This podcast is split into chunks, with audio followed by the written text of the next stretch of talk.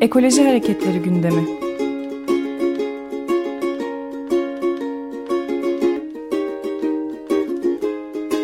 Çevre ve Ekoloji Hareketi avukatları tarafından hazırlanıyor.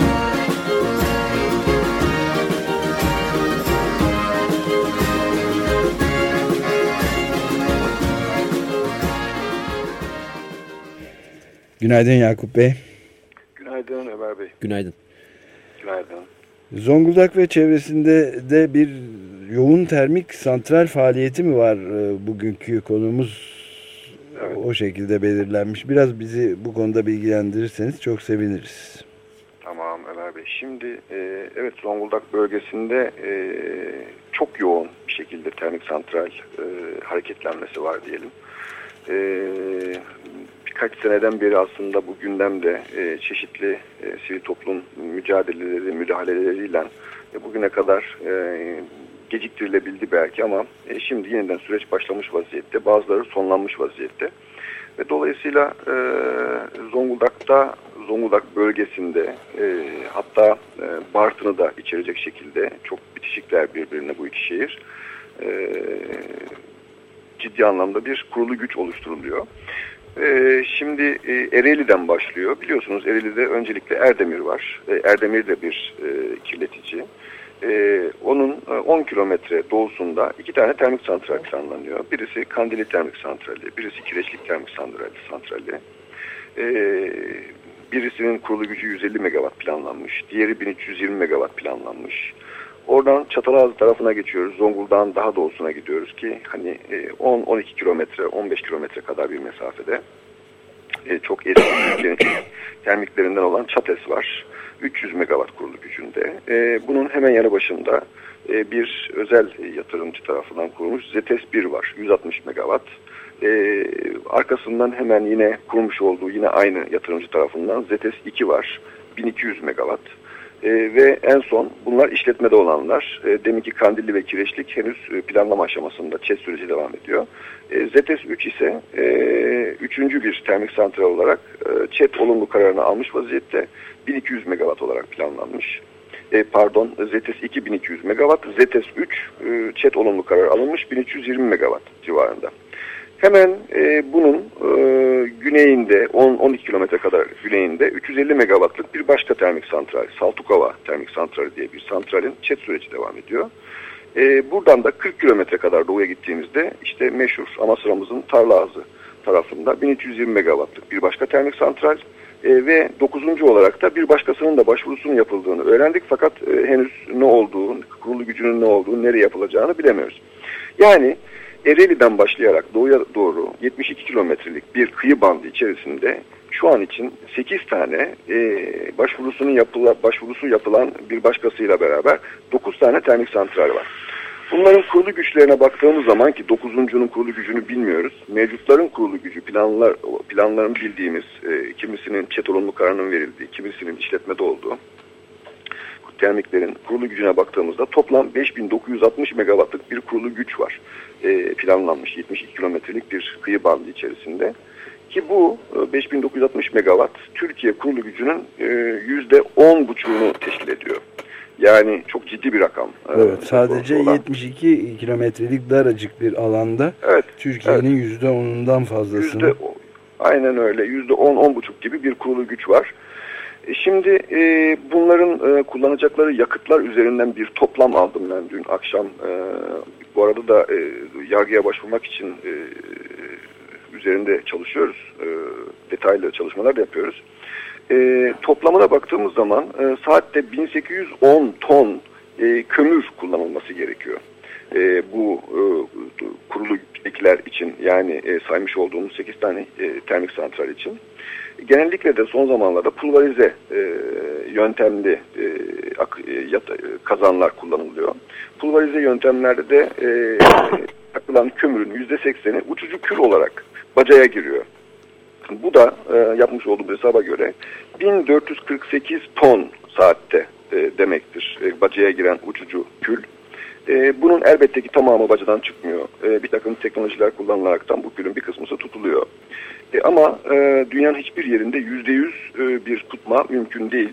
E, ben e, bütün e, iyi niyetimle e, en üst ölçekte tutula, tutulacağı hesabıyla ki %99.9'unun tutulduğunu varsayarak ki e, bu mümkün değil maalesef. E, %99.9'u tutulsa e, saatte e, 144,8 kilo toz bacadan atılıyor e, bu alanda. Günde 3.4 ton e, kül yine bacadan atılmış oluyor. 30 günde 104 ton bacadan atılmış oluyor. Yaklaşık bir hani kendi e, santral yapanlar chat raporlarında 25 kilometre çaplı bir alanda e, yoğun e, etki olur hesabıyla bir hesap yapıyorlar. E, bu hesabı yaptığımız zaman kilometre kareye e, 625 kilometre kare yapar. E, kilometre kareye 166 kilo toz düşüyor. Yani bu alanda ki bu alan e, Türkiye'de e, oldukça nüfusun yoğun olarak yaşadığı bir alan. Yaklaşık e, 500 bin kişi bu kıyı bandında yaşamakta. E, tarımla da uğraşanlar var. E, kent merkezleri de var. E, ve e, kilometre karede 166 kilogram toz düşmüş olacak. Tabii bunun yanı sıra gazlar var. Hani sadece külden evet. bahsediyorum ben.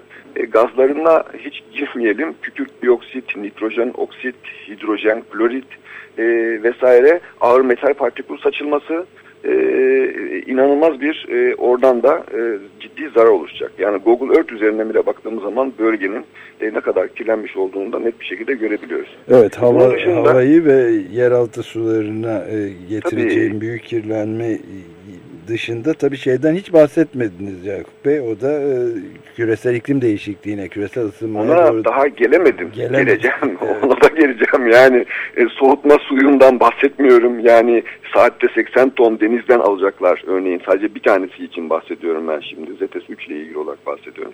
Saatte 80 ton e, suyu denizden çekecekler. E, bunu işte soğutma suyu olarak kullanıp tekrar denize deşarj edecekler. E, deniz ekosistemindeki suyun ısınmış suyun e, verilmesiyle deniz ekosistemindeki zararlardan e, bahsetmeyeceğim. Zonguldak tüm ülkenin yaklaşık yüzde 15'i kadar bir balık e, üretimi yapan bir il aynı zamanda. Yani dolayısıyla o balık üreme alanlarının ne hale geleceğinden e, belki bahsetmek lazım. E, kazan altı küller var bir de uçucuların dışında. Bunların çıkartılması, depolanması, taşınması, trafik yükü, tozuması vesaire e, bunlar da ayrı bir e, etki.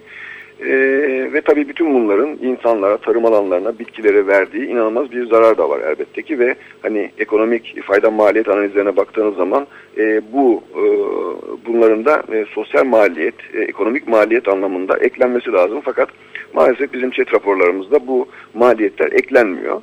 Sadece e, üretilecek, e, faaliyette bulunacak olan tesisin e, ekonomik karlılığına bakılıyor, ediliyor. Ama sosyal iz düşümündeki vermiş olduğu zararları hiç tartışmıyoruz, etmiyoruz. E tabii bütün bunların yanında e, sizin ifade etmiş olduğunuz gibi küresel iklim değişimine e, olacak olan katkıları e, çok önemli e, bizim açımızdan. E, bugüne kadar Türkiye hep e, yenilebilir enerjiden e, bahsediyor. E, yerli enerjiden bahsediyor. Bir kere bunların e, pek çoğu ithal kömürle çalışacak zaten. Yani Rusya'dan, Brezilya'dan, e, Güney Afrika'dan falan kömür getireceğini söylüyorlar. E, kömürün kalitesinin ne olacağı çok net değil. E, ve bunların yakılması nedeniyle ciddi anlamda e, küresel iklim değişimine, e, kükürt dioksit salınımı vesaire nedeniyle e, etkili olacağını Karbon biliyoruz. Dioksit tabii yani. Karbon, e, kükürt dioksit, asit yağmurları vesaire, sera gazı etkisi bütün bunlar çok önemli olacak. E, maalesef e, durumlar böyle. E, Kyoto biliyorsunuz e, Türkiye tarafından yanlış hatırlamıyorsam 2009 Mart ayında imzalandı. Evet. E, tabii gönüllü tarafında kalarak imzalandı. Bütün yükümlülükleriyle de imzalanmadı. E,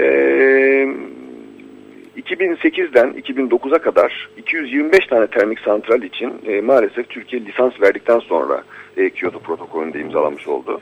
E, genellikle bizim Türkiye'de uygulamamız böyle. Önce işlemleri bitirip kazanılmış hakları oluşturuyoruz. Arkasından e, bir takım sözleşmelere ve yükümlülüklere giriyoruz ve kazanılmış hak olduğu için de çok da fazla müdahale edemiyoruz. Evet, Yakup ee, süreyi maalesef böyle. bitirdik. Gene açtık. Evet. açtık ama bu mücadeleyi tabii e, çeşitli bir vesilelerle tekrar konuşmak üzere yani bu çizdiğiniz cehennemi Zonguldak ve çevresi manzarasının bir, sıkı bir mücadele vermeden bırakılacağını da herhalde kimse düşünmüyordur. E, tabii biraz sorun yani Zonguldak açısından da hani kömür kenti, sanayi kenti olması nedeniyle de e, pek çok zorluklarımız da var ama yani Zonguldak'ta hakikaten yaşam adına, e, yaşam açısından e, insanların seslerini çıkartmasının gerektiğini kesinlikle düşünüyorum.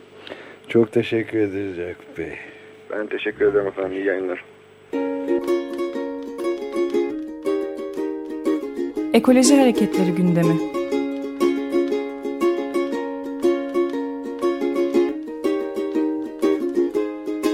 Çevre ve Ekoloji Hareketi avukatları tarafından hazırlanıyor.